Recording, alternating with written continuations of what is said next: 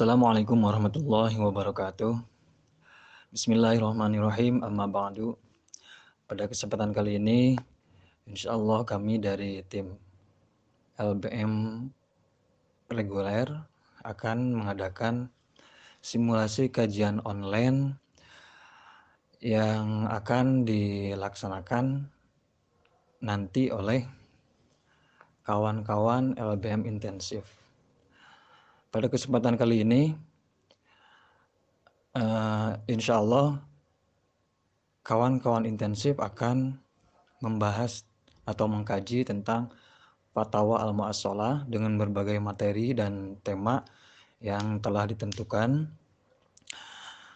Dan sebagai acuan untuk berjalannya atau teknis kajian yang akan dilaksanakan nanti kami dari LBM reguler akan memberikan atau melakukan simulasi kajian tersebut.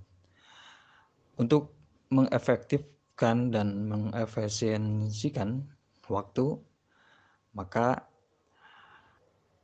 langsung saja kami serahkan kepada pemateri yaitu Cak Ali Arinal Haq dari koordinator penulisan proyek buku reguler. Waktu dan tempat dipersilakan. Uh, baik, di sini saya mendapatkan bagian untuk menjadi pemateri. Untuk judul yang akan saya presentasikan kali ini adalah Al-Isti'anatu bil Jin atau artinya adalah meminta tolong kepada jin adalah akmal al-masyru'ah untuk mengerjakan pekerjaan yang diperboleh yang diperbolehkan.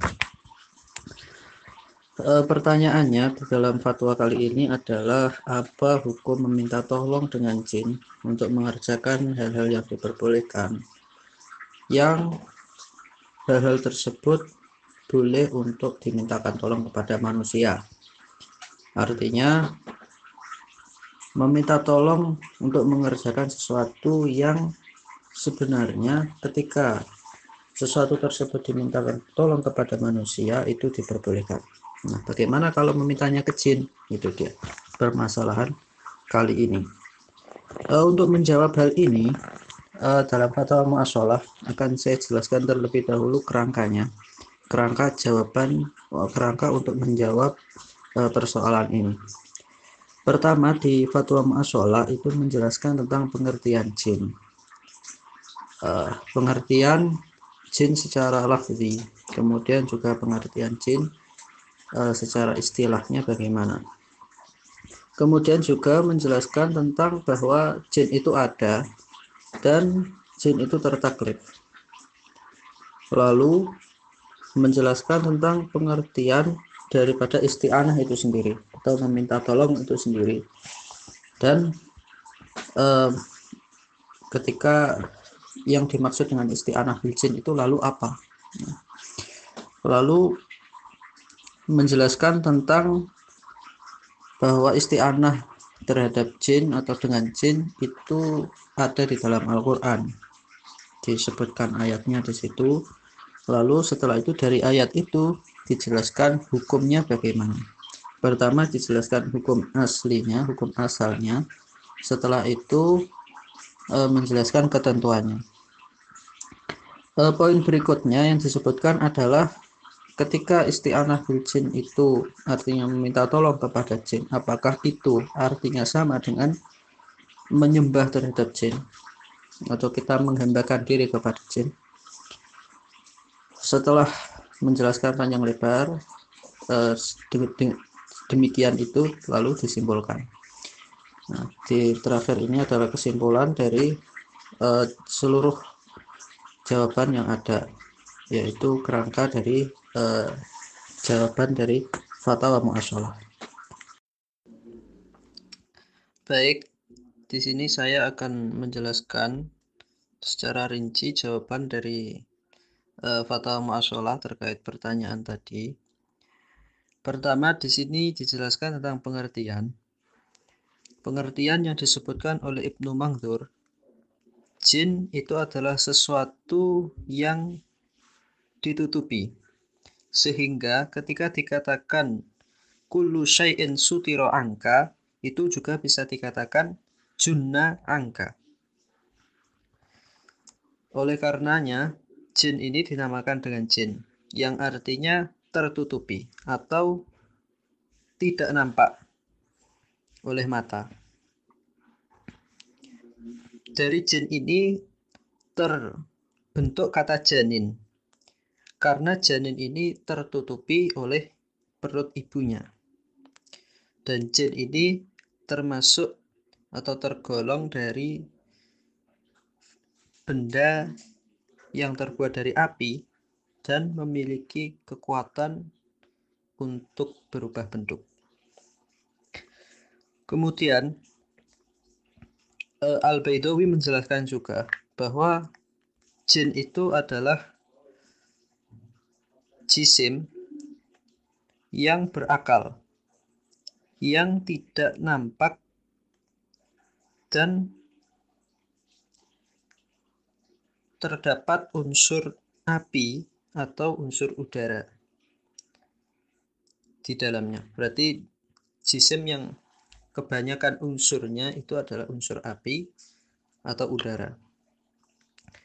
Kemudian keberadaan jin itu ada dan disebutkan oleh kitab sunnah juga ijma artinya keberadaan jin itu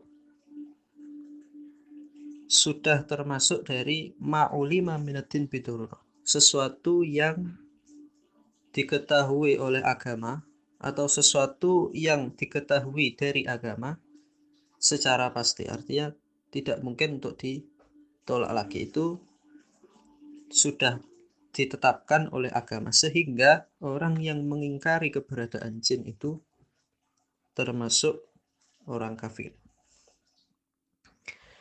Kemudian disebutkan juga bahwa jin itu tertaklif seperti halnya manusia. Artinya dia dilarang dan juga diperintah, diberi pahala dan juga disiksa. Hal ini berlandaskan pada ayat Al-Qur'an yakni wa ma khuliq wa ma khalaqtul jinna wal insa illa liya'budun. Juga ayat ya ma'syarul jinni wal insi in istata'tum an tanfudhu min aqtaris samawati wal ard fanfudhu la tanfuduna illa bisultan. Kemudian juga dari hadis terdapat uh, yang menyebutkan bahwa Rasulullah bersabda, Nabi itu diutus uh, kepada kaumnya, artinya dia hanya diutus kepada kaumnya, nabi-nabi selain Nabi Muhammad. Wabu itu anak sih. Hanya saya saja yang diutus untuk seluruh manusia dan jin. Artinya nabi-nabi sebelum Nabi Muhammad itu hanya diutus untuk kaumnya saja, sementara Nabi Muhammad itu diutus kepada manusia, seluruh manusia dan juga jin. Selanjutnya, penjelasan tentang isti'anah atau meminta tolong itu seperti apa. Diawali dengan uh, bentuk kata isti'anah itu sendiri adalah bermula dari fi'il mati awana dan al-aun masdarnya itu bermakna sesuatu yang jelas dari atau sesuatu yang nampak dari suatu hal. Kemudian dijamakkan menjadi akwan. E, bentuk lain aan tuhu. Ini bentuk dari bentuk lain dari awana yaitu adalah aan tuhu. Masternya adalah i'ana, tuhu, ista'antu bihi. Itu berarti masternya adalah isti'anah yang artinya adalah meminta tolong. Kemudian ada juga rojulun mi'wan, yaitu orang yang banyak mendapat pertolongan. Atau orang yang banyak menolong. Sementara eh, kata ista'antuhu atau ista'antu bifulan, saya meminta tolong, itu masdarnya adalah isti'anah. Sehingga e, mutawaahnya itu adalah fa'anani atau awanani. Ista'antu bi fulan fa'anani wa awanani. Dalam doa disebutkan Robbi a'inni wala tu'in alayya. Sehingga ketika dikatakan al-isti'anatu bil jin, itu artinya adalah meminta pertolongan. Bukan menolong jin, tapi meminta pertolongan kepada jin. Karena ini ada seperti yang disebutkan adalah tolak. Kalau mutawahnya itu adalah a'ana nih, menolong. Kalau meminta itu isti'anah. Sehingga al-isti'anatu bil jin artinya adalah meminta pertolongan kepada jin. Nah, meminta pertolongan kepada jin itu adalah hal yang juga terdapat di dalam Al-Quran dan juga hadis. Juga menurut akal sendiri bukan hal yang mustahil. Disebutkan eh, dalam Al-Quran bahwa jin ini tunduk kepada Sulaiman. Seperti yang sudah jamak diketahui, di salah satu cerita tentang Nabi Sulaiman di dalam Al-Quran bahwa Nabi Sulaiman ini meminta kepada jin untuk menghadirkan singgasana Ratu Bilqis dari Yaman. Dalam ayatnya disebutkan Qala ya ayyuhal mala'u ayyukum ya'tini bi arsyiha qabla ayyatuni muslimin Qala ifritun minal jinni ana atika bihi qabla an taquma min maqamika wa inni alaihi laqawiyyun amin. Dan seterusnya.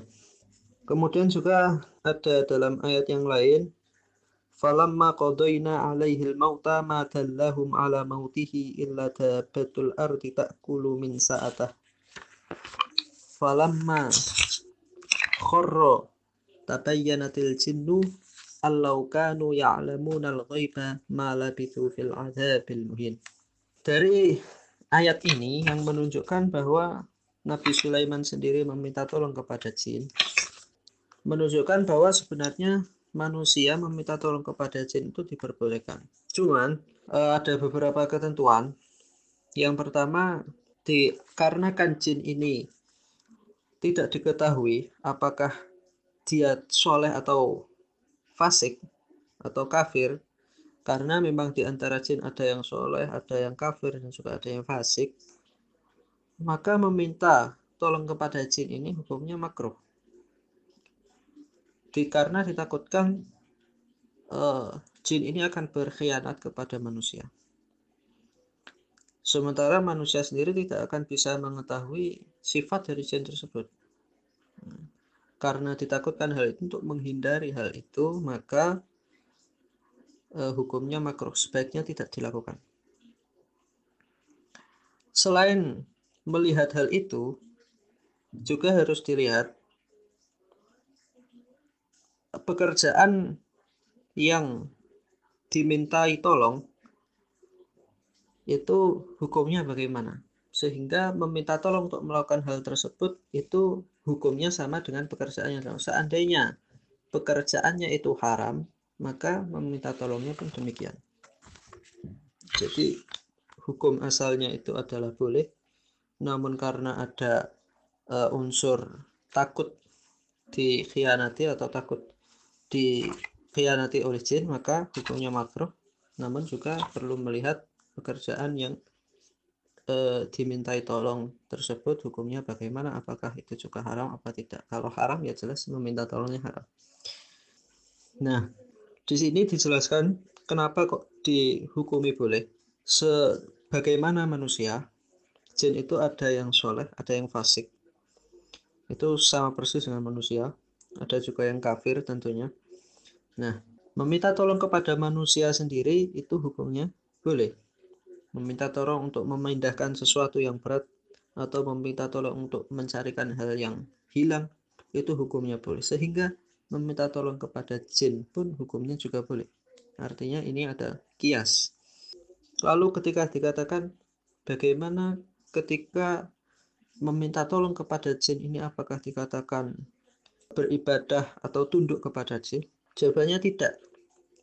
Bisa jadi malah sebenarnya jin itu yang tunduk kepada kita. Atau bukan jin yang tunduk kepada kita dan juga bukan kita yang tunduk kepada jin tetapi jin tersebut memang murni ingin menolong kepada manusia.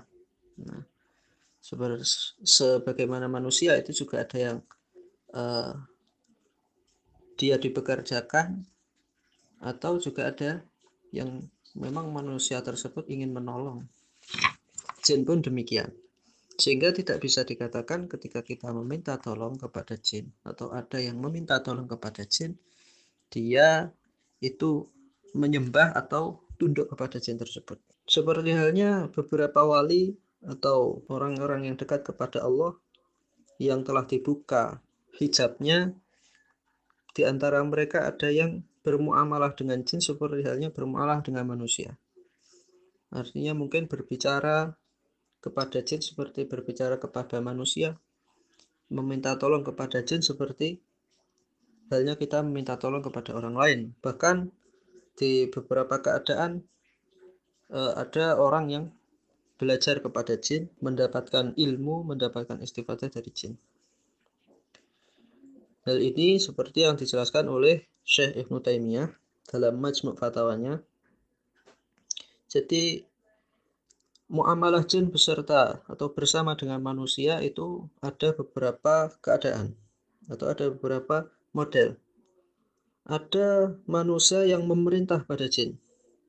Artinya dia menundukkan jin, jin tunduk kepadanya. Ada juga manusia yang bermuamalah dengan jin dalam hal-hal yang diperbolehkan artinya dia mem, uh, seperti halnya dia bermuamalah kepada manusia dalam hal-hal yang diperbolehkan kemudian ada juga manusia yang bermuamalah dengan jin tapi dalam hal yang tidak diperbolehkan mungkin bisa dalam hal yang uh, berbau kesyirikan atau untuk membunuh seseorang atau mencilakakan seseorang membuat seorang sakit, atau yang lainnya. Tentu macam yang ini tidak diperbolehkan menurut Ibnu Taimiyah. Dan jika dia meminta tolong untuk melakukan hal yang kafir, untuk melakukan pekerjaan-pekerjaan kafir, kufur, tentu dia ikut kafir juga. Kalau meminta tolong untuk maksiat ya tentu maksiat, kalau meminta tolong untuk kefasikan tentu mendapatkan dosa. Dari sini uh, bisa disimpulkan bahwa hukum meminta tolong kepada jin itu adalah diperbolehkan, hukum asalnya itu adalah diperbolehkan, tidak dilarang seperti halnya kita meminta tolong kepada orang lain, kepada manusia yang lain selain yang bukan jin gitu. Ya, mungkin itu kesimpulan dari uh, jawaban kita yang tercantum di kitab fatwa Mungkin dari saya sekian. Wassalamualaikum warahmatullahi wabarakatuh. Waalaikumsalam warahmatullahi wabarakatuh. Diucapkan terima kasih kepada pemateri yang telah menyampaikan materinya dengan begitu singkat, padat, dan akurat. Selanjutnya, sesi sharing ide dan kritik. Langsung saja untuk peserta yang pertama akan kami beri waktu sekitar lima menit. Oh iya sebelumnya eh, apa namanya teknis kajian intensif ini akan dibentuk menjadi enam kelompok.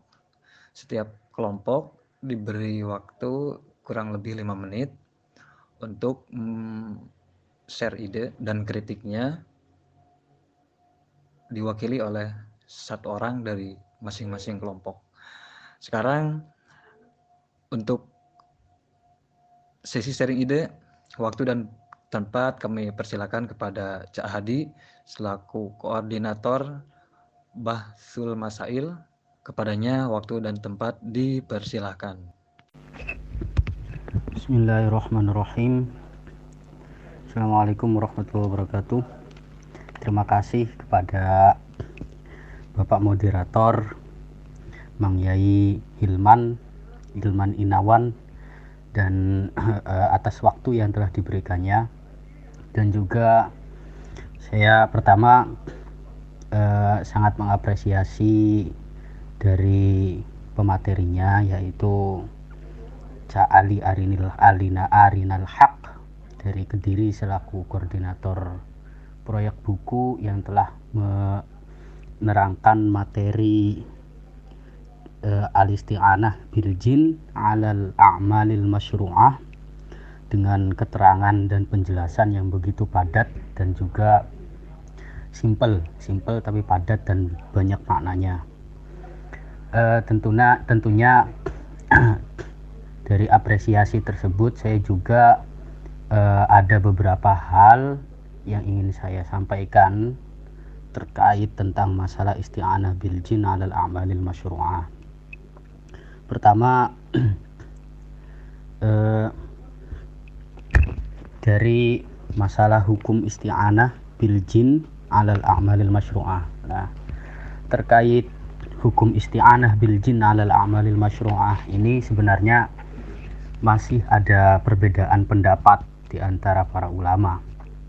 Mungkin kalau kita berpijak dari fatwa mu'asolah ini eh, maka kesimpulannya boleh isti'anah bil jin uh, untuk eh, perbuatan-perbuatan yang diperbolehkan oleh syariat kan begitu. Tetapi uh, kalau saya cari dari uh, beberapa kitab lain seperti di Adab Syar'iyah karyanya Ibnul Muflih di situ ada pendapatnya Imam Ahmad yang tidak memperbolehkan sekalipun uh, isti'anah bil jinnya itu dalam koridor a'mal al-masyru'ah. Demikian juga saya menemukan fatwanya Dr. Wahba Zuhaili di apa itu namanya uh, di internet di ini di situsnya beliau sendiri, di situsnya beliau sendiri di situ ada fatwa beliau yang mengatakan bahwa isti'anah bil jin itu tidak boleh ay, ayan kana artinya ya berarti dalam kondisi apa pun dan dalam bentuk apa pun sekalipun itu isti'anahnya dalam bentuk a'mal al-masyru'ah saya juga menemukan pendapat yang sama seperti pendapatnya Dr. Wahba Zuhaili di situs internet yaitu pendapatnya Lajnah Fatwa Daim Fatwa Lajnah Fatwa Daimah itu eh, lembaga fatwanya Saudi Saudi Arabia di situ juga mengatakan isti'anah bil jin itu tidak boleh begitu. Uh, kemudian begini mungkin saya akan bacakan saja agar apa namanya bacakan referensinya saja agar uh, apa namanya teman-teman bisa memahami bahwa di sini memang ada perdebatan sebenarnya antara ulama. Pertama dari apa itu namanya dari kitab adab uh, al adabu syar'iyah karyanya Ibnu Muflih di situ beliau menjelaskan di sini beliau meriwayatkan satu uh, cerita begini. Qolal Burzati Burzati Burzati itu salah satu muridnya Imam Ahmad. Qolal Burzati wa sa'altuhu sa'altuhunya uh, ke Ahmad Ahmad bin Hambal sa'altuhu an rajulin yazum annahu yu'alijul majnun min asra'i wal azaim wa yazumu annahu yukhatibul jin wa yukallimuhum. Nah, di sini kan ada pertanyaan dari Imam Burzati sebagai salah satu muridnya Imam Ahmad yang menanyakan tentang seorang seseorang yang apa itu namanya mengobati orang yang sakit ataupun mengobati orang yang gila mungkin seperti kalau sekarang mungkin teman-teman bisa melihat seperti rukiah rukiah gitu. Nah itu juga uh, itu ya seperti rukiah rukiah gitulah. Kemudian uh, orang itu yang mengobati ini apa itu namanya dia mengaku bahwa di saat rukiah tersebut dia uh, bermukhotobah dengan jin atau bermuhadasah dengan jin. Lalu jawaban Imam Ahmad bagaimana? Jawaban Imam Ahmad la uhibbu li ahadin an yaf'alah. Nah itu. La uhibbu li ahadin an yaf'alah. Nah ini berarti e, menunjukkan bahwa e, mukhotobah dengan jin dan apa itu namanya ataupun meminta bantuan dengan jin ini tidak diperbolehkan. Itu menurut e, Ibnul Muflih. Kemudian e, beliau juga di adab syariahnya uh, menjelaskan salah satu landasan kenapa uh, apa itu namanya hukum ini kasus ini tidak diperbolehkan karena landasannya itu uh, isti'anah bil jin itu wasilatun ila syirk gitu jadi media untuk memusyrikan seseorang itu pertama kemudian kalau di situsnya Dr. Wahbah Zuhaili itu beliau ada jawaban geni yahrumul isti'anah bil jin ayyan kanu fahuwa madmumun syar'an. Nah itu. Diharamkan isti'anah bil jin. E, bagaimanapun e, mereka fahuwa madmumun syar'an dan e, kasus ini apa itu namanya tidak diperbolehkan oleh syariat. Kemudian beliau e, beristidlal dengan ayat e, apa itu namanya dengan salah satu ayat yang terdapat dalam surat Al-Jin e, begini ayatnya itu wa annahu kana rijalun minal insi ya'udzuuna birijalin minal jinni fazaduhum rohako. E, annahu kana rijalun minal insi ya'udzuuna birijalin minal jin bahwa ada dulu itu ada beberapa orang manusia maksudnya beberapa manusia yang bertawud yang meminta tolong kepada beberapa jin fazaduhum rohako. Kemudian e, manusia itu menambahkan apa itu namanya fazaduhum rohako kemudian mereka bertambah. Ah, nah ini di rohako kata-kata rohako ini kemudian banyak sekali sebenarnya penafsirannya. Ada yang menafsirkan bahwa rohako itu isem dosa maksudnya. Ya berarti kalau seperti ini berarti ini artinya fazaduhum rohako mereka bertambah dosanya gitu kan. Ada juga yang menafsiri bahwa rohako itu adalah uh, kafir gitu. Kufur kufur.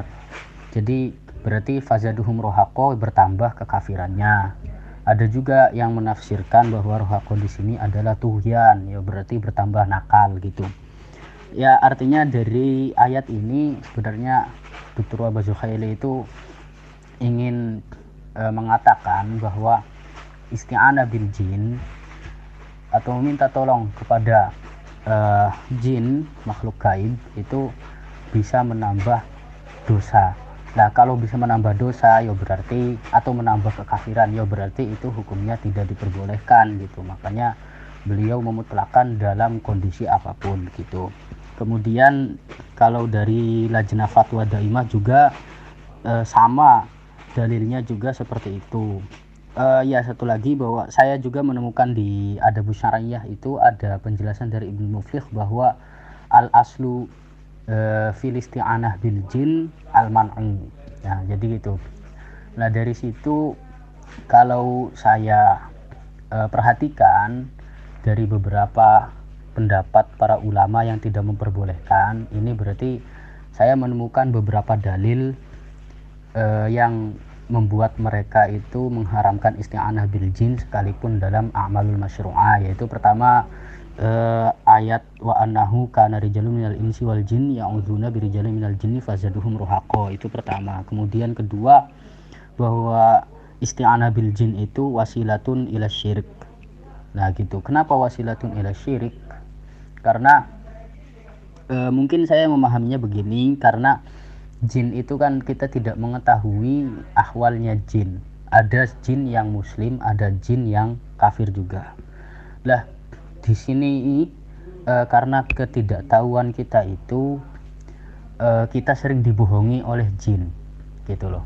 Akhirnya yang tadinya awalnya mungkin e, untuk sesuatu yang e, halal pada akhirnya karena kita dibohongi oleh jin akhirnya bisa menjadi terus menerus meminta tolong kepada mereka sampai pada hal-hal yang tidak diperbolehkan begitu ya mungkin seperti itu kalau pemahaman saya. Kemudian uh, dalil yang terakhir itu berarti dalil istishab istishabul asli al aslu fil isti'anati bil jin al man'um gitu. Lah itu. Demikian itu kalau saya melihat dari fatwa-fatwa yang lain. Uh, tetapi saya bisa memahami kenapa fatwanya fatwa muasola ini memperbolehkan. Itu karena mungkin uh, saya memahami bahwa dalil-dalil dari eh, ulama-ulama uh, yang tidak memperbolehkan itu kurang kuat sebenarnya. Karena kalau dilihat pertama dalil dari ayat wa annahu kana rijalun minal insi ya'udzuna birijalin minal jinni fazaduhum itu kalau dilihat dari tafsirnya kebanyakan ini eh, seperti tafsir Bedawi ataupun Tobari juga itu kebanyakan e, menafsirkan bahwa dulu e, orang-orang Arab itu ketika uh, bepergian kemudian uh, apa singgah di satu wadi di satu lembah yang tidak ada penghuninya mereka uh, mengatakan begini a'udzu bisayyidi atau a'udzu bi azizi hadzal wadi minal jin. Nah dari sini saya memahami bahwa uh, apa itu namanya kenapa uh, isti'adzah atau i'adzah uh, isti'adzah dengan jin itu tidak diperbolehkan karena bentuknya itu adalah bentuk kemusyrikan. A'udzu bi, bi, bi azizi hadzal wadi minal jin. Saya berlindung kepada uh, apa itu namanya penguasa kepada jin yang menguasai lembah ini. Nah, ini kan berarti jelas musyrik karena isti'adzah itu ya harus kepada Allah Subhanahu wa taala kan begitu. Nah, dari sini eh, saya apa itu namanya memahami bahwa eh, ayat ini sebenarnya ya memang eh, petunjuknya itu petunjuk untuk mengharamkan eh, apa itu namanya meminta tolong kepada jin. Tetapi ini kalau dilihat dari tafsirnya eh, keharaman ini eh, terbatas pada permintaan tolong dalam bentuk dalam bentuk perbuatan-perbuatan yang memang diharamkan seperti yang sudah saya sebutkan tadi itu. Kemudian eh, apa itu namanya wasilah bahwa jin isti'anah bil jin itu menjadi wasilah. Wasilah ila syirik ini juga sebenarnya kurang terlalu kuat gitu loh. Karena kita apa itu namanya karena kan begini di fatwa mu'asola sendiri itu dijelaskan bahwa e, isti'anah itu tergantung pada makosidnya gitu kan. Kalau makosidnya itu haram ya berarti haram. Lah berarti e, memang isti'anah bil jin itu bisa membawa syirik dan bisa menjadi haram apabila memang makosidnya itu muharramah ataupun maksudnya itu membawa syirik. Lah ini baru bisa dibawa e, ke situ. Tetapi kalau dimutlakkan seperti ini ya berarti kurang tepat begitu loh. Kemudian al aslu filisti'anati bil jin al man'u nah dari sini juga saya memahami bahwa dalil istishab ini kurang terlalu kuat juga. Karena kalau kita melihat dari dalilnya fatwa mu'aswalah sendiri di situ kan ada uh, ayat yang mengatakan ada ayat yang menunjukkan bahwa Nabi Sulaiman itu pernah meminta tolong kepada jin.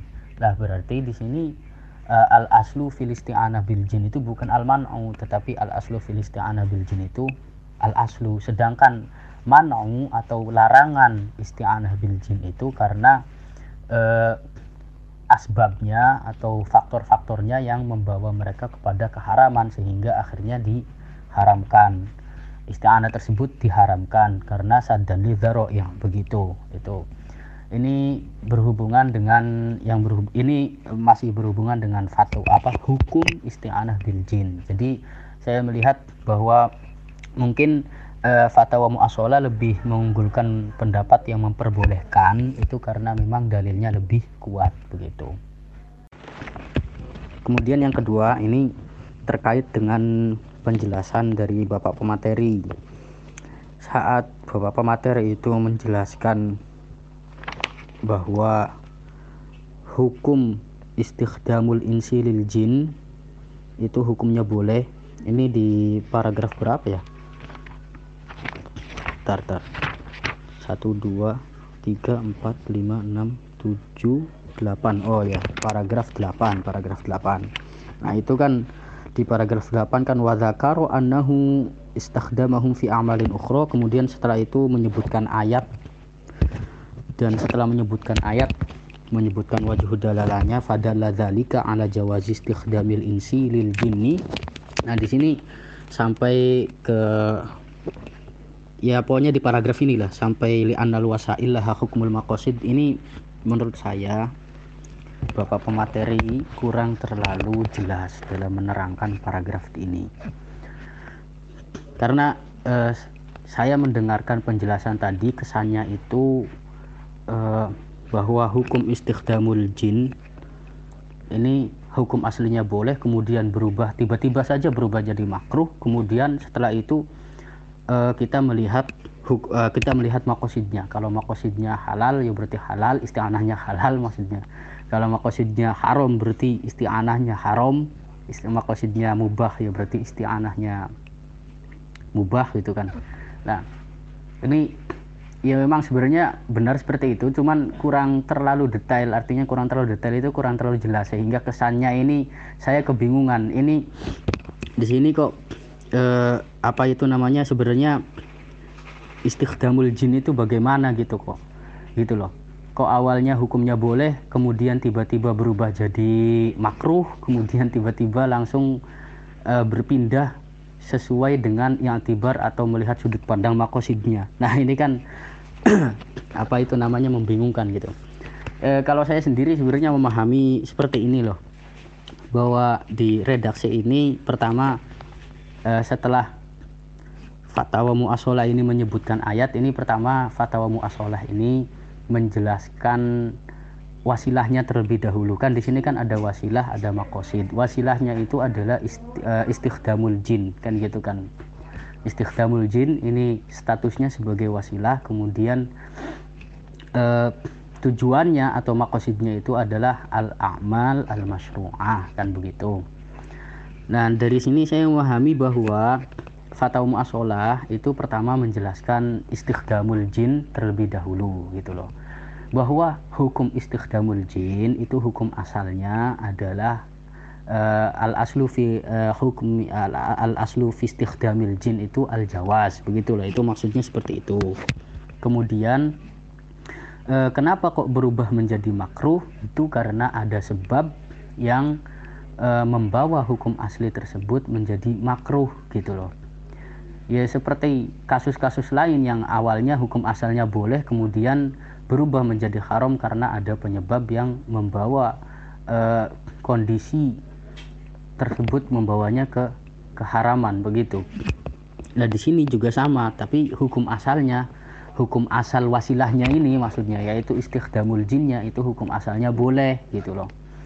Dengan dalil dari ayat yang sudah disebutkan di paragraf ini, kemudian e, berubah menjadi e, makruh itu karena memang di sini ada penyebab yang membawa uh, konteksnya itu membawa ke hukum makruh gitu loh. Yaitu karena uh, khauf atau kekhawatiran dimanipulasi oleh jin karena kita tidak tahu ahwalul jin seperti apa akhirnya kita bisa saja dimanipulasi oleh mereka. Uh, dengan demikian lebih baik tidak perlu meminta tolong kepada jin gitu kan. Uh, sebenarnya kan seperti itu. Nah setelah itu baru uh, beliau eh beliau apa? Fatwa muasola ini selanjutnya baru menjelaskan bahwa uh, hukum istighdamul jin sebagai bentuk atau uh, sebagai wasilah gitu ini ada hubungannya dengan makosid gitu. Jadi pertama di situ menjelaskan tentang uh, hukum wasilahnya terlebih dahulu. Nah, setelah itu baru menjelaskan tentang e, bahwa hukum wasilah ini memiliki hubungan dengan makosidnya karena istighdamul jin itu adalah wasilah dan makosidnya itu adalah amalul masyru'ah ya berarti nanti ada e, hubungannya dengan makosidnya begitu. Kalau makosidnya itu amalul masyru'ah yang diperbolehkan ya berarti boleh. Kalau makosidnya itu adalah amalul muharramah ya berarti istighdamul jinnya itu juga haram begitu kan. Kemudian saya ingin e, menambahkan sedikit lagi nih terkait dengan kaidah al wasail laha hukmul makosid ini sebenarnya apakah e, kaidah ini diterapkan dengan bentuk mutlaknya? Artinya setiap wasail itu hukumnya mengikuti hukum makosidnya e, sekalipun wasailnya itu adalah wasail yang muharomah kalau makosidnya adalah makosid yang diperbolehkan apakah nanti wasail ini juga berubah hukumnya menjadi boleh mengikuti makosidnya ataukah tidak? Begitu loh.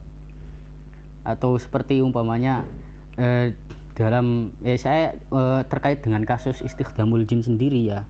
Saya juga menemukan beberapa kasus eh, yang apa itu namanya cara penggunaan atau cara proses eh, pemanggilan jinnya itu menurut saya haram gitu loh.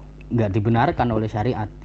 Eh, seperti saya pernah ini apa namanya pernah membaca eh, satu berita satu artikel di Turki itu uh, ada uh, praktek pemanggilan jin tapi caranya itu dengan menulis salah satu ayat Al-Quran lalu ayat Al-Quran ini diikatkan di tulang babi.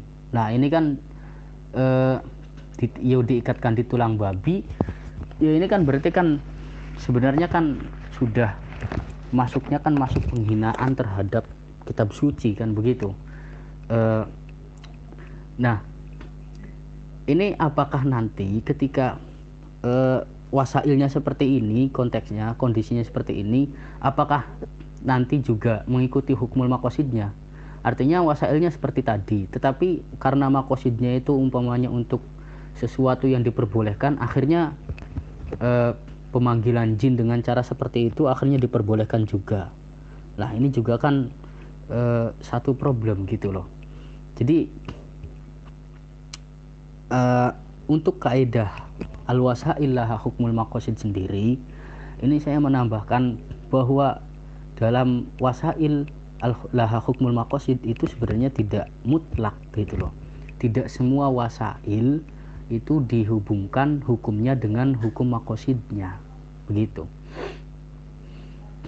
Hanya uh, ada beberapa wasail yang aslinya itu haram kemudian dia berubah menjadi halal.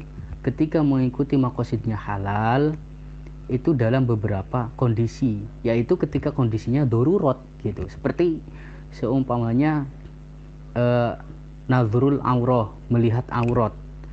Melihat aurat kan jelas haram. Tetapi kalau tujuannya untuk lil ilaj atau apa itu namanya pengobatan atau seperti di kitab-kitab fikih juga kan kalau tujuannya untuk syahadah atau persaksian itu maka hukumnya diperbolehkan. Atau bayina sebagai bukti gitu kan. Itu kan hukumnya juga di diperbolehkan. Nah ini. Tetapi saya menemukan beberapa kasus tersebut ketika makosidnya ini hanya bersifat dorurot saja gitu loh. Tetapi kalau makosidnya ini tidak bersifat dorurot ini saya nggak menemukan beberapa kasus yang memperbolehkan uh, yang memperbolehkan wasail yang aslinya itu hukumnya haram kemudian berubah menjadi boleh mengikuti makosidnya ketika makosidnya itu e, bersifat bukan dorurot gitu loh. Nah ini saya juga belum menemukan. Dari kemudian saya juga ini ada satu kitab satu kitab sebenarnya ini aslinya kitab ini adalah risalah magister risalah magisternya Ustadz Burhani. Ini di sini beliau eh, menjelaskan agak apa itu namanya agak detail sedikit lah tentang masalah wasail bahwa wasail itu ada wasail yang eh, wasail itu terbagi ke dalam tiga macam gitu ada wasail yang mubahah uh, dengan uh, masail mubahah yang digunakan untuk makosid mubahah ya berarti hukumnya boleh gitu. Kemudian ada juga wasail yang hukumnya mamnuah dan digunakan untuk perbuatan yang tidak diperbolehkan juga. Nah berarti wasail ini hukumnya juga mamnu. Nah kemudian yang ketiga ini ada wasail yang mamnuah tetapi dia digunakan untuk sesuatu yang diperbolehkan Nah, begini kata beliau, wa amma salisatu wa hiyal wasilatu al mamnu'atu al muaddiyatu ilal jaiz.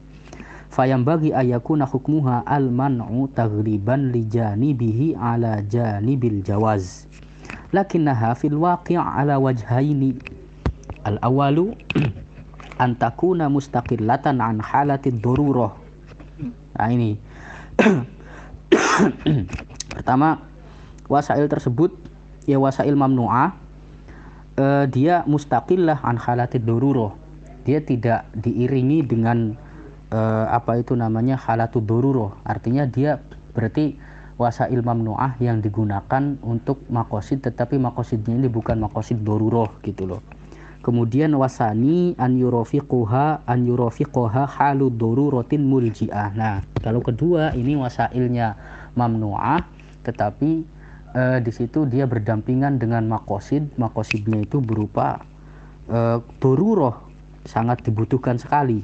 Amal awwalu fa hukmuhu al man'u juryan 'alal aslil 'am al mutamassi ma'a islami wa usulihi al qa'imati 'ala taharati wal khair.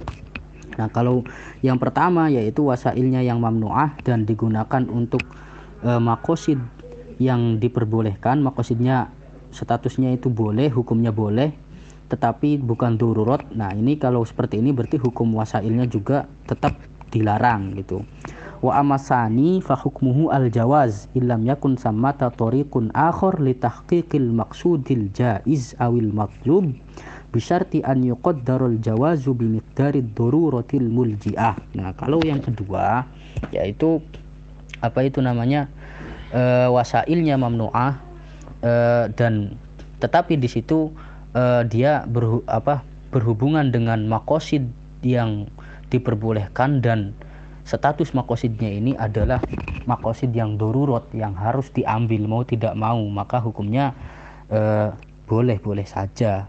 Wasilah tersebut boleh boleh saja. Nah dari sini sebenarnya saya menyimpulkan bahwa eh, kaidah al wasailah hukmul makosid itu tidak digunakan tidak diaplikasikan secara mutlak untuk setiap kasus wasail lalu kemudian mengikuti hukmul makosidnya gitu loh. Tapi terbatas pertama dalam e, wasail yang diperbolehkan gitu loh. Sehingga nanti wasail yang hukum hukum wasailnya itu diperbolehkan gitu loh. Boleh e, wasailnya ini hukum-hukum yang diharamkan tetapi dengan catatan makosidnya itu adalah makosid yang dorurot yang harus mau tidak mau diambil gitu loh kalau tidak diambil ya berarti nanti dia halak gitu kan maksudnya seperti itu Ya, itu ya mungkin tambahannya itu saja. Ini terlalu banyak juga tambahannya. Terima kasihlah kepada Bapak moderator dan juga Bapak pematerinya.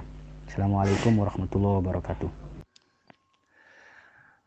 Ya, terima kasih kami haturkan kepada Cak Hadi yang telah menanggapi pemaparan dari pemateri terhadap tentang materinya.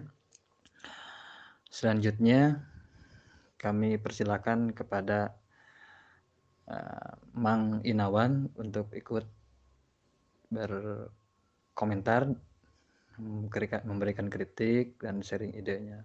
Waktu dan waktu dan ruang chat dipersilahkan.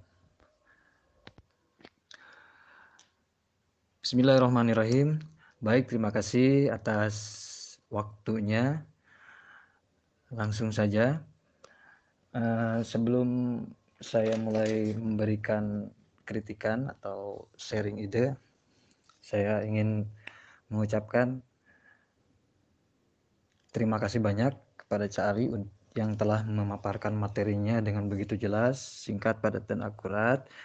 Namun uh, ada beberapa hal yang memang perlu di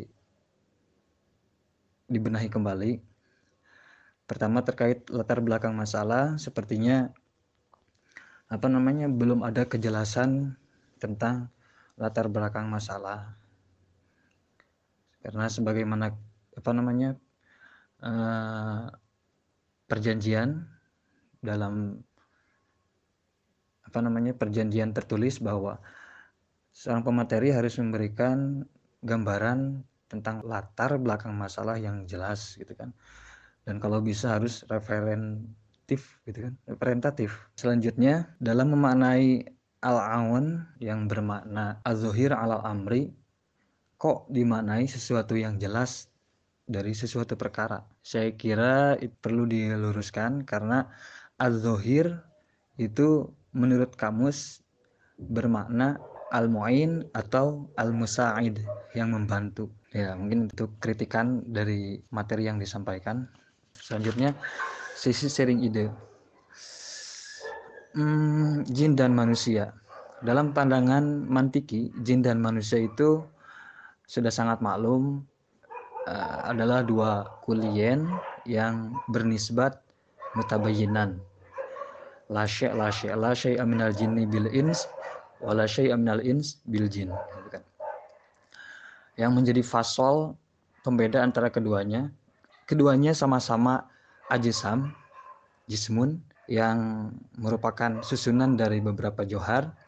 Namun yang menjadi fasol antara keduanya adalah al-jin itu golabat alaihin nariyah sedangkan al-ins golabat alaihi turobiyah gitu kan. Sebagaimana dijelaskan oleh Al-Baydawi taglibu alaihin nariyah atau tagolabat saya nggak punya bukunya Ini juga sesuai dengan yang termaktub di dalam kitab Kimia Usa'ada menurut Imam Ghazali bahwa jin itu bukan hanya tercipta dari api. Ada unsur lain seperti hawa, bahkan turab juga ada katanya kalau tidak salah. Itu di dalam kitab Kimia Usa'ada dijelaskan. Selanjutnya terkait fal jin didul insan, saya kira uh, Ki Mufti ya mohon mohon maaf maksudnya redaksi Faljin Didul Ins ini merupakan ta'rif bil musawi khofaan sehingga uh, tidak boleh gitu kan tidak boleh memberikan tarif dengan tidak boleh mendefinisikan sesuatu dengan hal yang sama samarnya. Kecuali memang uh, jika dianggap tarif lafdi. Kemudian uh, mukhotabuna misrul ins. Uh, dalam kitab Tuhfatul Murid Syarah Jauhar Tauhid milik Imam Baijuri dijelaskan bahwa jin dan manusia sama-sama mukalaf. Namun manusia menjadi mukalaf itu disyaratkan harus balik, akil, bulug dakwah, dan salamatul hawas. Sedangkan jin tidak disyaratkan harus bulu karena sejak dilahirkan min aslil khilqoh jin termasuk atau sudah otomatis mukallaf gitu kan falayata apa falayata waqafu taklifuhum alal bulu terkait rajulun mi'wan ay kasirul mauna ini apa namanya segat ini ya amsilah mubalaghah ya. Dalam alfiyah dijelaskan fa'alun au mif'alun au fa'ulu fi kasratin an fa'ilin badilu. Kemudian tentang surat An-Naml yang menceritakan tentang ifrit. Saya buka di kitab tafsir Al-Qurtubi dijelaskan bahwa wal ifrit minasyaitonil qawiyil marid. Mungkin ini iskalan ya iskalan yang nanti bisa diselesaikan di tahap selanjutnya atau memang jika tidak perlu ya tidak apa-apa minasyaitonil qawiyil marid marid dengan jelas disebutkan ifrit itu minasyaiton al qawi al marid apakah bisa dimanai ifrit itu termasuk setan yang kuat dan yang marid? Apa marid itu ya? Yang mengganggu. Kemudian nama ifrit yang tercantum dalam surat An-Naml menurut Imam As-Suhaili namanya adalah Zakwan. Sedangkan menurut Imam Shu'aib Al-Jubai namanya adalah Da'wan menurut Imam Wahab bin Munabih namanya adalah Kaudan sebagaimana yang dijelaskan oleh Imam An-Nahas. Kemudian terkait kisah jin dengan Nabi Sulaiman saya temukan dalam kitab Al-Fawaid Al-Makiyah karya Sayyid Alawi bin Ahmad Al-Maki Asy-Syafi'i bahwa di sana dijelaskan ketika membahas tentang azaim, masalah azaim azimah bahwa dulu kala Nabi Sulaiman sallallahu alaihi wa alihi wa ala nabiyina assalam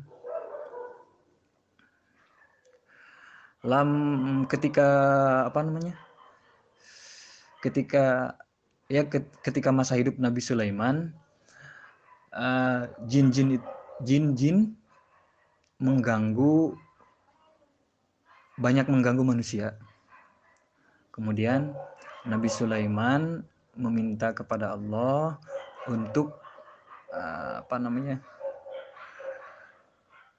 hmm, agar ada malaikat pembimbing. Waduh, malaikat pembimbing. Ya, setiap jin itu diwakili uh, malaikat sehingga ketika ada manusia yang diganggu oleh jin bisa mengucapkan atau mengatakan nama malaikat yang menjadi pembimbingnya sehingga jadi tidak mengganggu kembali gitu. Karena patalukan kalau istilah bahasa Sundanya malaikat patalukan jin tersebut yang mengatur tentang ya yang mengatur jin tersebut agar tidak apa namanya mengganggu manusia. Sehingga ketika dinamakan eh dinamakan disebut namanya maka si jin itu taluk katakan. Tidak bisa berkutik karena di apa namanya disebut nama tuannya atau pembimbingnya. Dan terkait dan di sini juga dijelaskan masalah istikhdam ada bil kawaki pada biljan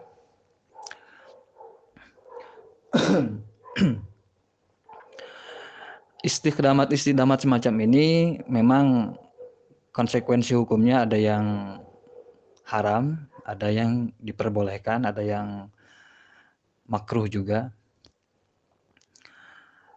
Di antara yang haram adalah ketika istiqdamatnya atau proses proses pengkhodamannya itu menggunakan kalimat-kalimat yang menunjukkan kekupuran itu tidak boleh. Kemudian uh, adapun uh, mm, mm, mm, jika tidak menunjukkan kekupuran maka bisa menjadi makruh ataupun boleh dengan ketentuan yang yang diperbolehkan itu dengan ketentuan saya catat ada empat ketentuan di sini. Pertama dari sisi, dari sisi subjeknya harus orang yang khair mutasyarri fi kamil ya'ti wa yadar. Harus sosok yang orang baik dan taat beragama. Kemudian dari sisi objeknya man yasta'inu bihi min arwahil khairah termasuk arwah-arwah yang baik. Bukan arwah-arwah berarti apa namanya? Dari kalangan putih bukan dari kalangan hitam. Kemudian dari segi instrumen atau azimah yang digunakan itu latu khalifu syara dan terakhir tidak menimbulkan madarat eh, kepada orang lain itu maka jika memenuhi syarat itu itu diperbolehkan karena termasuk uh, apa namanya maunah. Uh, selanjutnya tentang al wasail hukmul makosid lil wasail hukmul makosid saya kira apa namanya menurut Imam Izuddin bin Abdul Salam dalam kitab Qawaidul Ahkam beliau menjelaskan bahwa uh, kaidah ini memang apa namanya kaitan antara wasail dengan makosid itu bisa uh, secara negatif dan positif. Maksudnya ketika ada makosid maka ada wasail.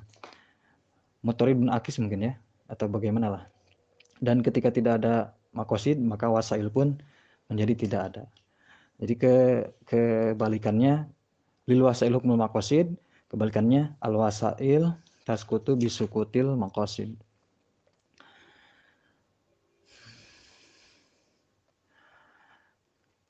Selanjutnya, wah sudah lumayan lama ya. Tapi sebentar lagi. Selanjutnya terkait apa namanya? Surat Saba ayat 14.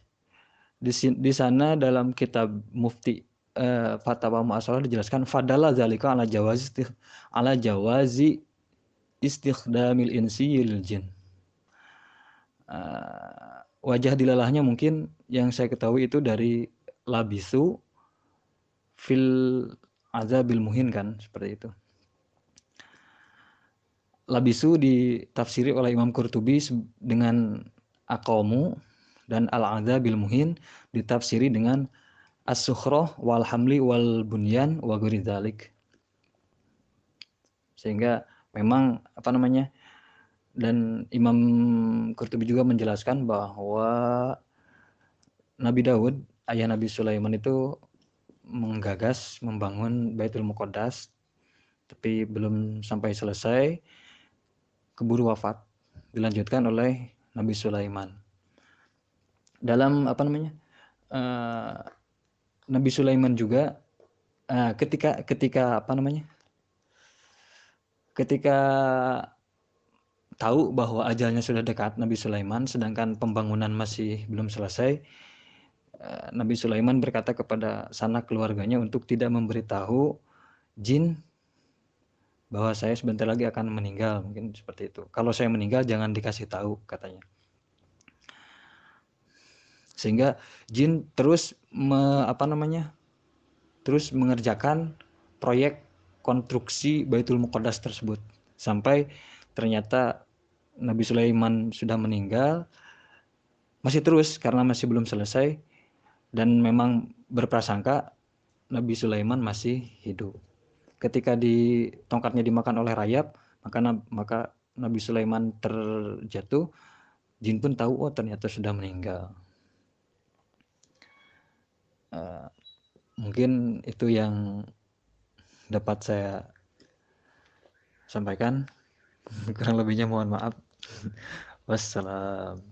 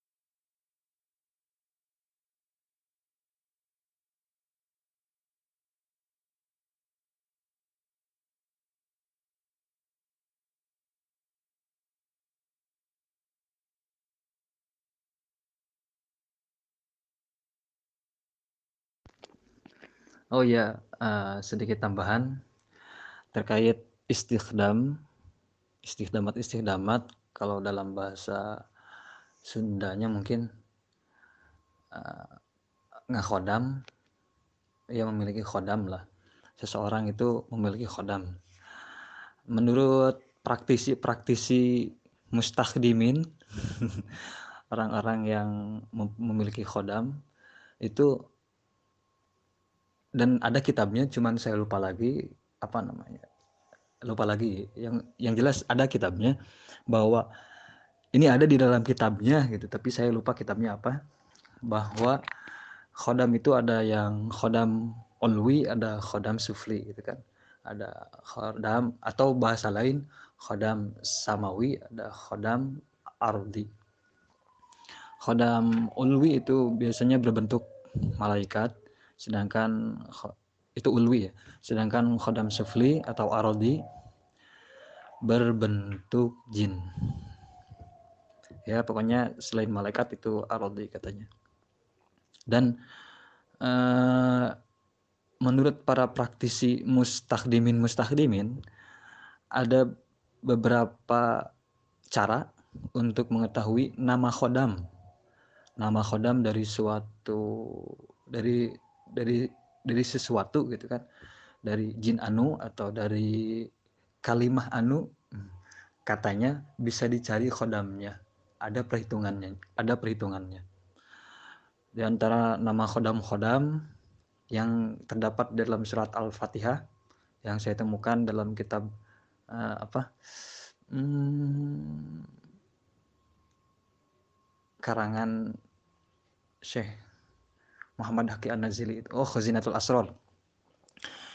Ada nama khodam Abiyad khodam Ahmar. Ada khodam Syamhurosh ada khodam Maimun. Kemudian ada ada apa namanya? Ya banyaklah khodam-khodam lainnya. Jadi ya perhitungannya ada cara menghitungnya. Eh, bisa ditanyakan mungkin ke para praktisi-praktisi yang ahli di bidang istighdam ini. Ya, mungkin seperti segitu. Terima kasih.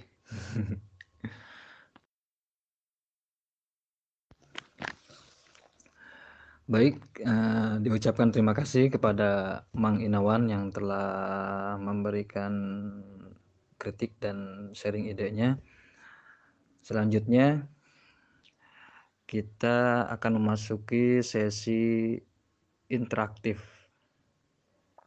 Sesi interaktif eh, dengan apa namanya mendatangkan beberapa iskalan yang mungkin perlu untuk dibahas secara bersama setiap peserta memiliki hak untuk berbicara. Silakan bagi yang ingin menyampaikan iskalan, waktu dan tempat dipersilahkan.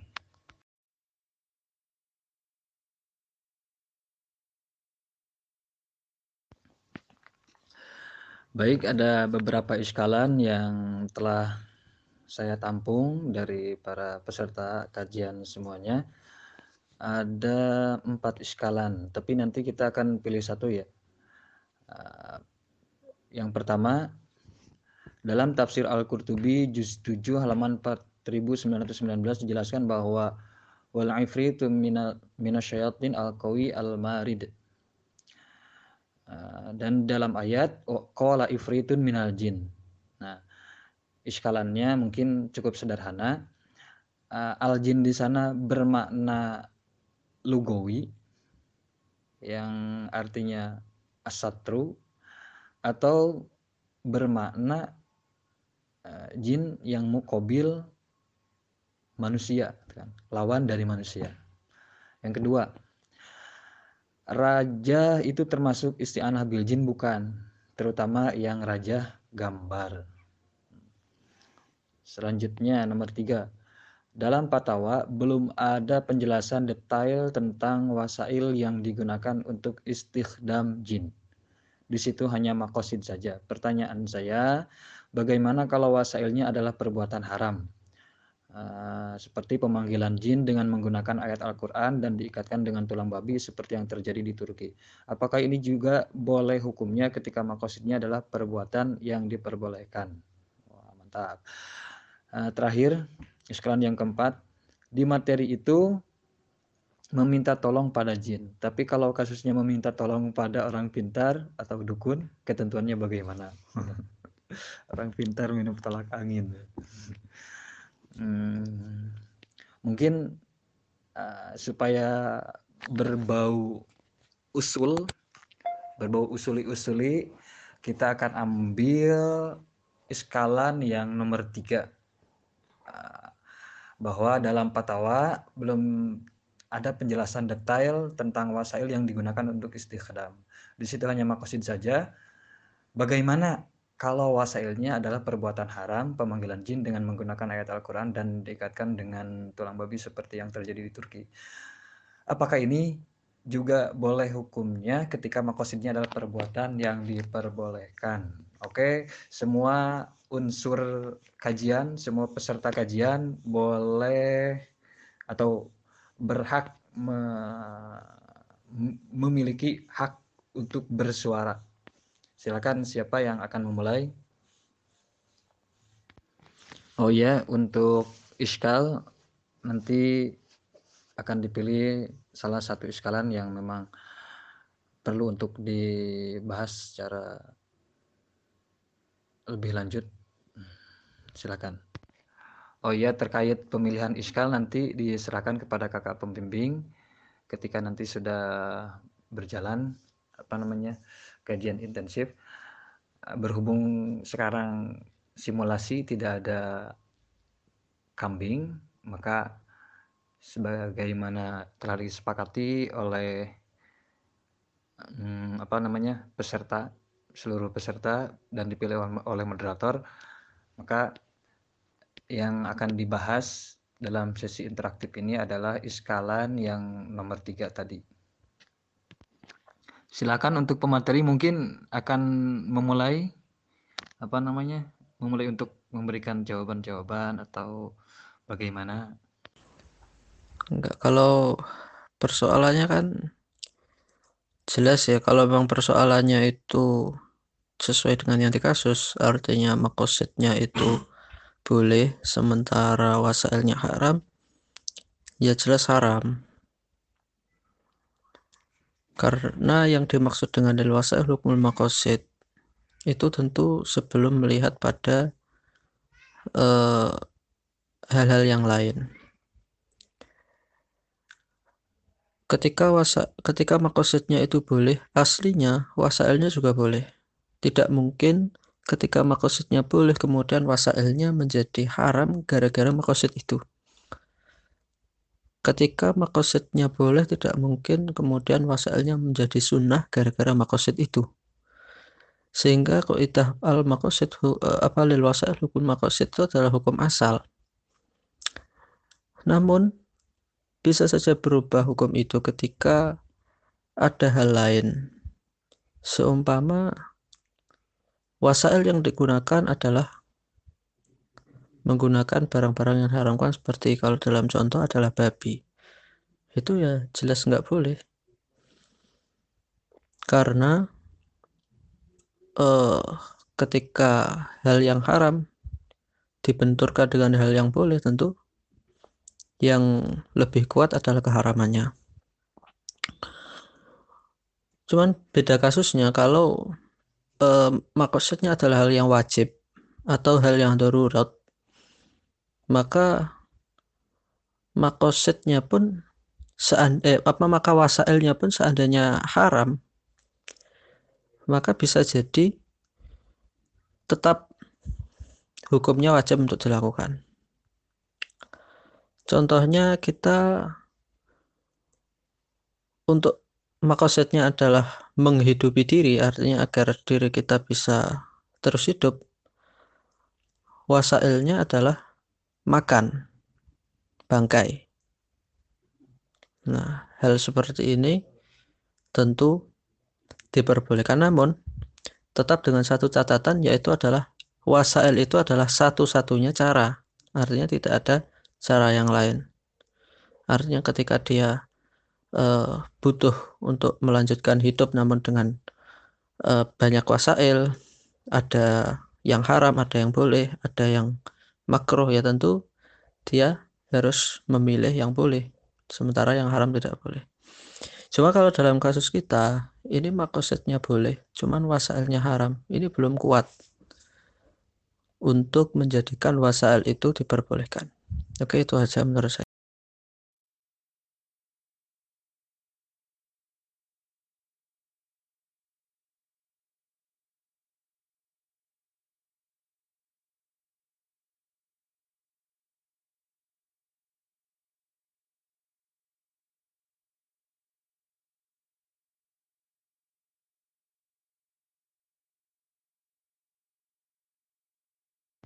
Maksud belum kuat menurut sampean itu belum kuat dari arah mananya gitu. Ini kan sudah jelas maksudnya untuk menolong seseorang, menolong jiwa katakanlah. Berarti kan kaitannya ketika ingin menolong jiwa ada bisa terkategori doruroh atau minimal hajah atau minimal hajah ya. Sedangkan kaidah al hajah uh, tunazzalu manzilata darurah wa darurah tubihul mahdzurah hmm, bagaimana dikomparasikan dengan kaidah tersebut? Uh, mungkin seperti itu. Maksudnya kan kalau yang di dalam kasus kan boleh maksud maksudnya boleh sementara wasailnya haram. Itu dengan demikian haramnya tetap tidak bisa menjadi boleh Artinya haramnya itu tidak bisa dikalahkan dengan makosetnya. Berbeda dengan kasus yang makan bangkai tadi, keharaman makan bangkai itu bisa dikalahkan dengan makosetnya karena makosetnya itu dalam taraf doruri atau mungkin katakanlah haji. Sementara dalam kasus itu makosetnya masih dalam taraf boleh saja, belum sampai dalam taraf doruri haji ataupun wajib. Nah, oleh karena itu, kalau memang kita fokus pada persoalan, tentu ketika wasailnya haram ya tetap haram gitu. Oke, begini. Uh, dalam kitab Al-Ashbah wan Nadhair kaidah yang nomor berapa itu? Pokoknya saya menemukan kaidah yugtafaru fil wasail mala yugtafaru fil maqasid. Eh, menyikapi kaidah itu bagaimana maksud uh, menyikapi kaidah tersebut bagaimana menurut sampean? Saya serahkan ke yang lain dulu mungkin ada yang bisa menjelaskan masalah itu. Oke, barangkali dari peserta lain ada yang bisa memberikan suaranya silakan. Uh, begini, Bapak pemateri yang saya muliakan eh, jadi jawaban dari Bapak pemateri itu seakan masih memutlakkan bahwa kasus itu adalah kasus yang makosidnya ini cuma sebatas taraf boleh gitu kan. Ya artinya kan eh, boleh itu artinya begini loh. Boleh itu kan bisa jadi haji bisa jadi doruri gitu. Uh, atau setidaknya haji lah. Oke kalau umpamanya doruri itu berarti sudah wajib gitu kan uh, intinya kan di situ bahwa amal al masyru'ah amal masyru'ah itu kan berarti perbuatan-perbuatan yang disyariatkan. Ya kalau perbuatan-perbuatan yang disyariatkan kan sebenarnya ada yang mubah ada yang mandub juga ada yang wajib juga kan sebenarnya begitu gitu loh. E, kalau dari jawaban bapak pemateri itu berarti seakan e, sekalipun makosidnya itu dalam taraf haji ini tetap tidak diperbolehkan. Begitu kan? Padahal kalau umpamanya saya berikan contoh umpamanya ada seseorang yang umpamanya disihir gitu kan? Disihir oleh seseorang oleh orang lain lah gitu. Nah ini untuk melepaskan sihirnya ini eh, dia eh, apa itu namanya mau tidak mau kan uh, umpamanya untuk melepaskan sihirnya ini nggak ada yang bisa melepaskan sihir kecuali satu apa itu namanya kecuali satu ini saja kecuali satu apa satu cara yaitu caranya ya dengan menggunakan bantuan dari jin tadi. Tapi caranya eh, cara istighdamnya proses pemanggilan jinnya itu umpamanya eh, agak menggunakan sesuatu yang dilarang oleh syariat lah umpamanya begitu loh. Nah ini kalau kasusnya seperti ini kalau saya lihat dari jawaban bapak pemateri ya berarti tet tetap tidak boleh kan begitu? Atau bagaimana ini? Uh, Bapak materi menganggap bahwa makosid di sini makosid dalam kasus istighdamul jin itu nggak ada yang sampai dururi. Apa itu namanya? Anggapannya seperti itu gitu loh. Padahal ya kalau al ma'amalul masyru'ah oke okay lah umpamanya dururi itu al amalul wajibah gitulah. Tetapi kan kalau al amalul masyru'ah ya berarti bisa saja itu hajat gitu kan nah hajat berarti tunazalu manzilata dururo juga kan begitu. Mengatakan bahwa saya berpendapat uh, dalam masalah istighdamul jad tidak ada yang sampai taraf doruri itu tidak begitu. Saya mengatakan bisa saja sampai taraf doruri tapi dalam kasus itu tidak. Karena kan jelas dalam kasusnya itu dalam permasalahan yang boleh makosetnya itu boleh Oke seandainya kita perluas kasusnya artinya dalam permasalahan doruri bisa maka tetap kita harus bisa menimbang antara makosid dan wasail ini lebih kuat mana. Kalau dicontohkan oleh uh, saudara tadi itu masalah haji, artinya seumpama dia sedang sakit, artinya sakitnya ini dalam taraf yang haji belum sampai merenggut nyawa, seumpama sampai cuma merenggut anggota tubuh saja atau memang sakit yang keras begitu saja. Maka menggunakan wasail yang dalam contoh itu adalah menggunakan apa lafat Allah kalau nggak salah yang digantungkan di kalung babi. Itu pun sebenarnya tetap tidak diperbolehkan karena wasail demikian ini lebih dekat ke kemusyrikan atau kufur karena istihanah karena ada unsur penghinaan kepada lafzul jalalah ada unsur penghinaan kepada Allah. Sehingga tetap wasail ini lebih berat keharamannya daripada makosid itu. Berbeda kasusnya kalau seumpama wasailnya adalah mencuri gitu. Kamu seumpama oleh jinnya disyaratkan. Kamu bol kamu kalau mau sembuh satu-satunya cara karena mungkin jinnya yang bisa menyelamatkan cuma jin ini aja. Kalau mau sembuh satu-satunya cara adalah uh, mencuri gitu. atau mungkin satu-satunya cara adalah uh, memakan atau meminum kencing gitu. Kencing sapi semua sumpah aja ya sumpah aja. Karena memang ada beberapa yang seperti itu. Atau kencing untal memang ada yang seperti itu. Ya boleh saja. Boleh saja. Karena itu wasailnya masih dalam taraf yang tidak sampai kemusyrikan. Sementara makosetnya itu sudah sampai dalam taraf haji sudah sampai dalam taraf hajat. Artinya kalau seandainya cuma merenggut anggota tubuh apalagi kalau sampai taraf doruri ya lebih lebih boleh lagi sampai merenggut nyawa sumpah uh, ya begini uh, untuk masalah kaidah yuhtafaru fil wasail mala yuhtafaru fil makosid nah itu uh, kalau difahami kan dari kaidah tersebut ini berarti di situ seakan-akan dari kaidah itu syariat itu memberikan lapangan yang luas atau medan yang luas untuk wasail daripada lapangan untuk makosid kan begitu uh, sehingga dari situ ada beberapa uh, apa namanya ada beberapa hal yang awalnya tadi itu diharamkan. Kemudian uh, karena mengikuti apa sih namanya mengikuti makosidnya akhirnya uh, wasail yang awalnya diharamkan itu diperbolehkan begitu loh. Uh, seperti contohnya mungkin kalau saya contohkan itu umpamanya di masalah nazarul aurat atau melihat aurat ajnabi gitu melihat aurat orang lain itu kan ya sebenarnya e, wasail e, pertama kita harus mengerti dulu ini apakah wasail atau ini adalah makosid gitu loh. Kalau memang ini wasail ya berarti e, tadi itu kalau memang ini wasail berarti dia itu punya lapangan yang lapangan hukum maksudnya lapangan hukum yang agak lebih luas daripada lapangan hukum yang ada di makosid.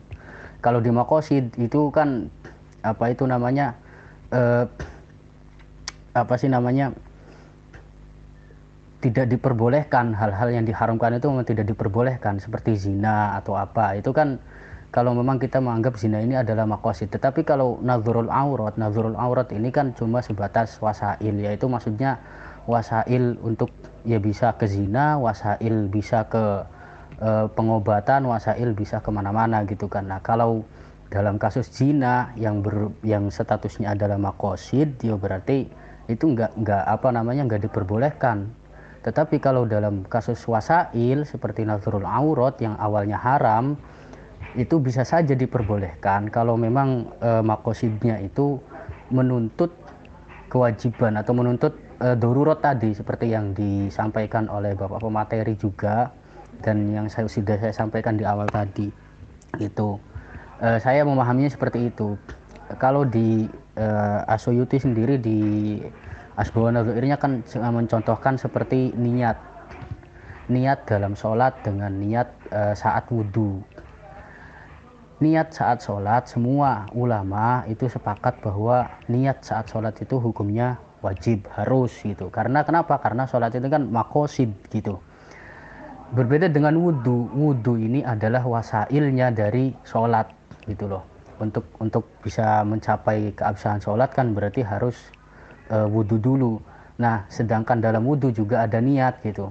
Nah, di sini para ulama berbeda pendapat niat dalam wasail boleh atau enggak. Ada yang mengatakan eh bukan masalah boleh atau enggaknya. Uh, ada yang mengatakan wajib, ada yang mengatakan tidak wajib gitu loh. Nah, ini kalau saya pahami ya seperti itu. Artinya kita harus bisa uh, menemukan status kasusnya dulu. Ini wasail atau ini makosid gitu loh. Kalau memang ini wasail ya berarti lapangannya lebih luas daripada daripada makosid seperti nazrul aurat tadi saya menganggap nazrul aurat ini adalah wasail karena dia bisa men menjadi wasilah untuk zina juga bisa bisa menjadi wasilah untuk syahadat juga bisa bisa menjadi wasilah untuk lil juga bisa kan begitu nah eh, sedangkan nazrul aurat sendiri itu kan hukum aslinya haram gitu. Maksudnya apa itu namanya? Eh, nah di sini eh, peran uh, wasail yang awalnya tadi haram karena dia ini wasail yang uh, sekalipun tadi awalnya statusnya haram ketika dia menjadi wasail maka nanti hukumnya bisa berubah-ubah sesuai dengan makosidnya gitu. Itu yang saya pahami sih seperti itu. Mungkin begitu. Kemudian untuk yang masalah apa namanya tadi itu kasus e, kalau wasail yang wasail yang berhubungan dengan kasus kita yaitu seperti umpamanya wasailnya mengikatkan lafaz jalalah dalam tulang unta tulang unta sih dalam tulang babi. Ini eh, sebenarnya kan ya memang apa sih itu namanya kita juga ini menganggap sebagai sebenarnya memang wasail gitu loh wasail eh, istikhdamul jinnya ini wasail tetapi karena prosesnya ini enggak eh, proses pemanggilan jinnya ini sudah menyebabkan kekufuran sendiri gitu loh ini e, menurut saya juga nggak diperbolehkan. Kenapa? Karena yang saya temukan dari beberapa kasus yang wasailnya awalnya haram kemudian diperbolehkan karena makosidnya itu darurat itu ketika memang e, wasail tersebut statusnya tidak sampai membawa ke kufuran gitu, tidak sampai membawa kemusyrikan atau kemurtadan begitu. Ya seperti nadrul aurat, itu kan bukan uh, sam, nggak nggak sampai menjadikan pelakunya itu murtad gitu loh. Hanya menjadikan pelakunya itu fasik gitu kan. Karena uh, itu merupakan dosa gitu loh. Merupakan sesuatu perbuatan dosa tetapi tidak sampai uh, membawa kemusyrikan. Kalau kasus-kasus uh, yang wasailnya itu statusnya bisa memusyrikan atau memurtadkan pelakunya ini juga saya nggak nggak menemukan saya uh, lebih setuju memang kalau memang wasailnya seperti itu memang saya lebih setuju haram gitu loh. Oke, terima kasih kepada semua para peserta yang telah bersuara dan ikut andil dalam interaksi uh, dalam membahas persoalan tadi eh, dari beberapa pemaparan rekan-rekan sekalian bisa saya simpulkan bahwa hmm, jika wasailnya haram selama tidak sampai membawa kemurtadan maka boleh apabila makosidnya doruri mungkin seperti itu. Oh iya. Untuk eh, pemutusan hasil interaksi antara para anggota nanti diambil alih oleh kambing. Kakak pembimbing di setiap kajian nanti menjadi apa namanya pengambil keputusan dari hasil yang telah di hasil apa namanya paparan-paparan pendapat-pendapat yang telah disajikan oleh para peserta kajian. Selanjutnya saya selaku moderator uh, mohon maaf apabila ada kekurangan dalam kata-kata atau dalam uh, hal lainnya. Akhir kalam kami saya selaku moderator undur diri dan kami dari tim perwakilan reguler pamit undur diri. Kurang lebihnya mohon maaf. Wassalamualaikum warahmatullahi wabarakatuh. Eh makasih ya untuk teman-teman yang telah ini ikut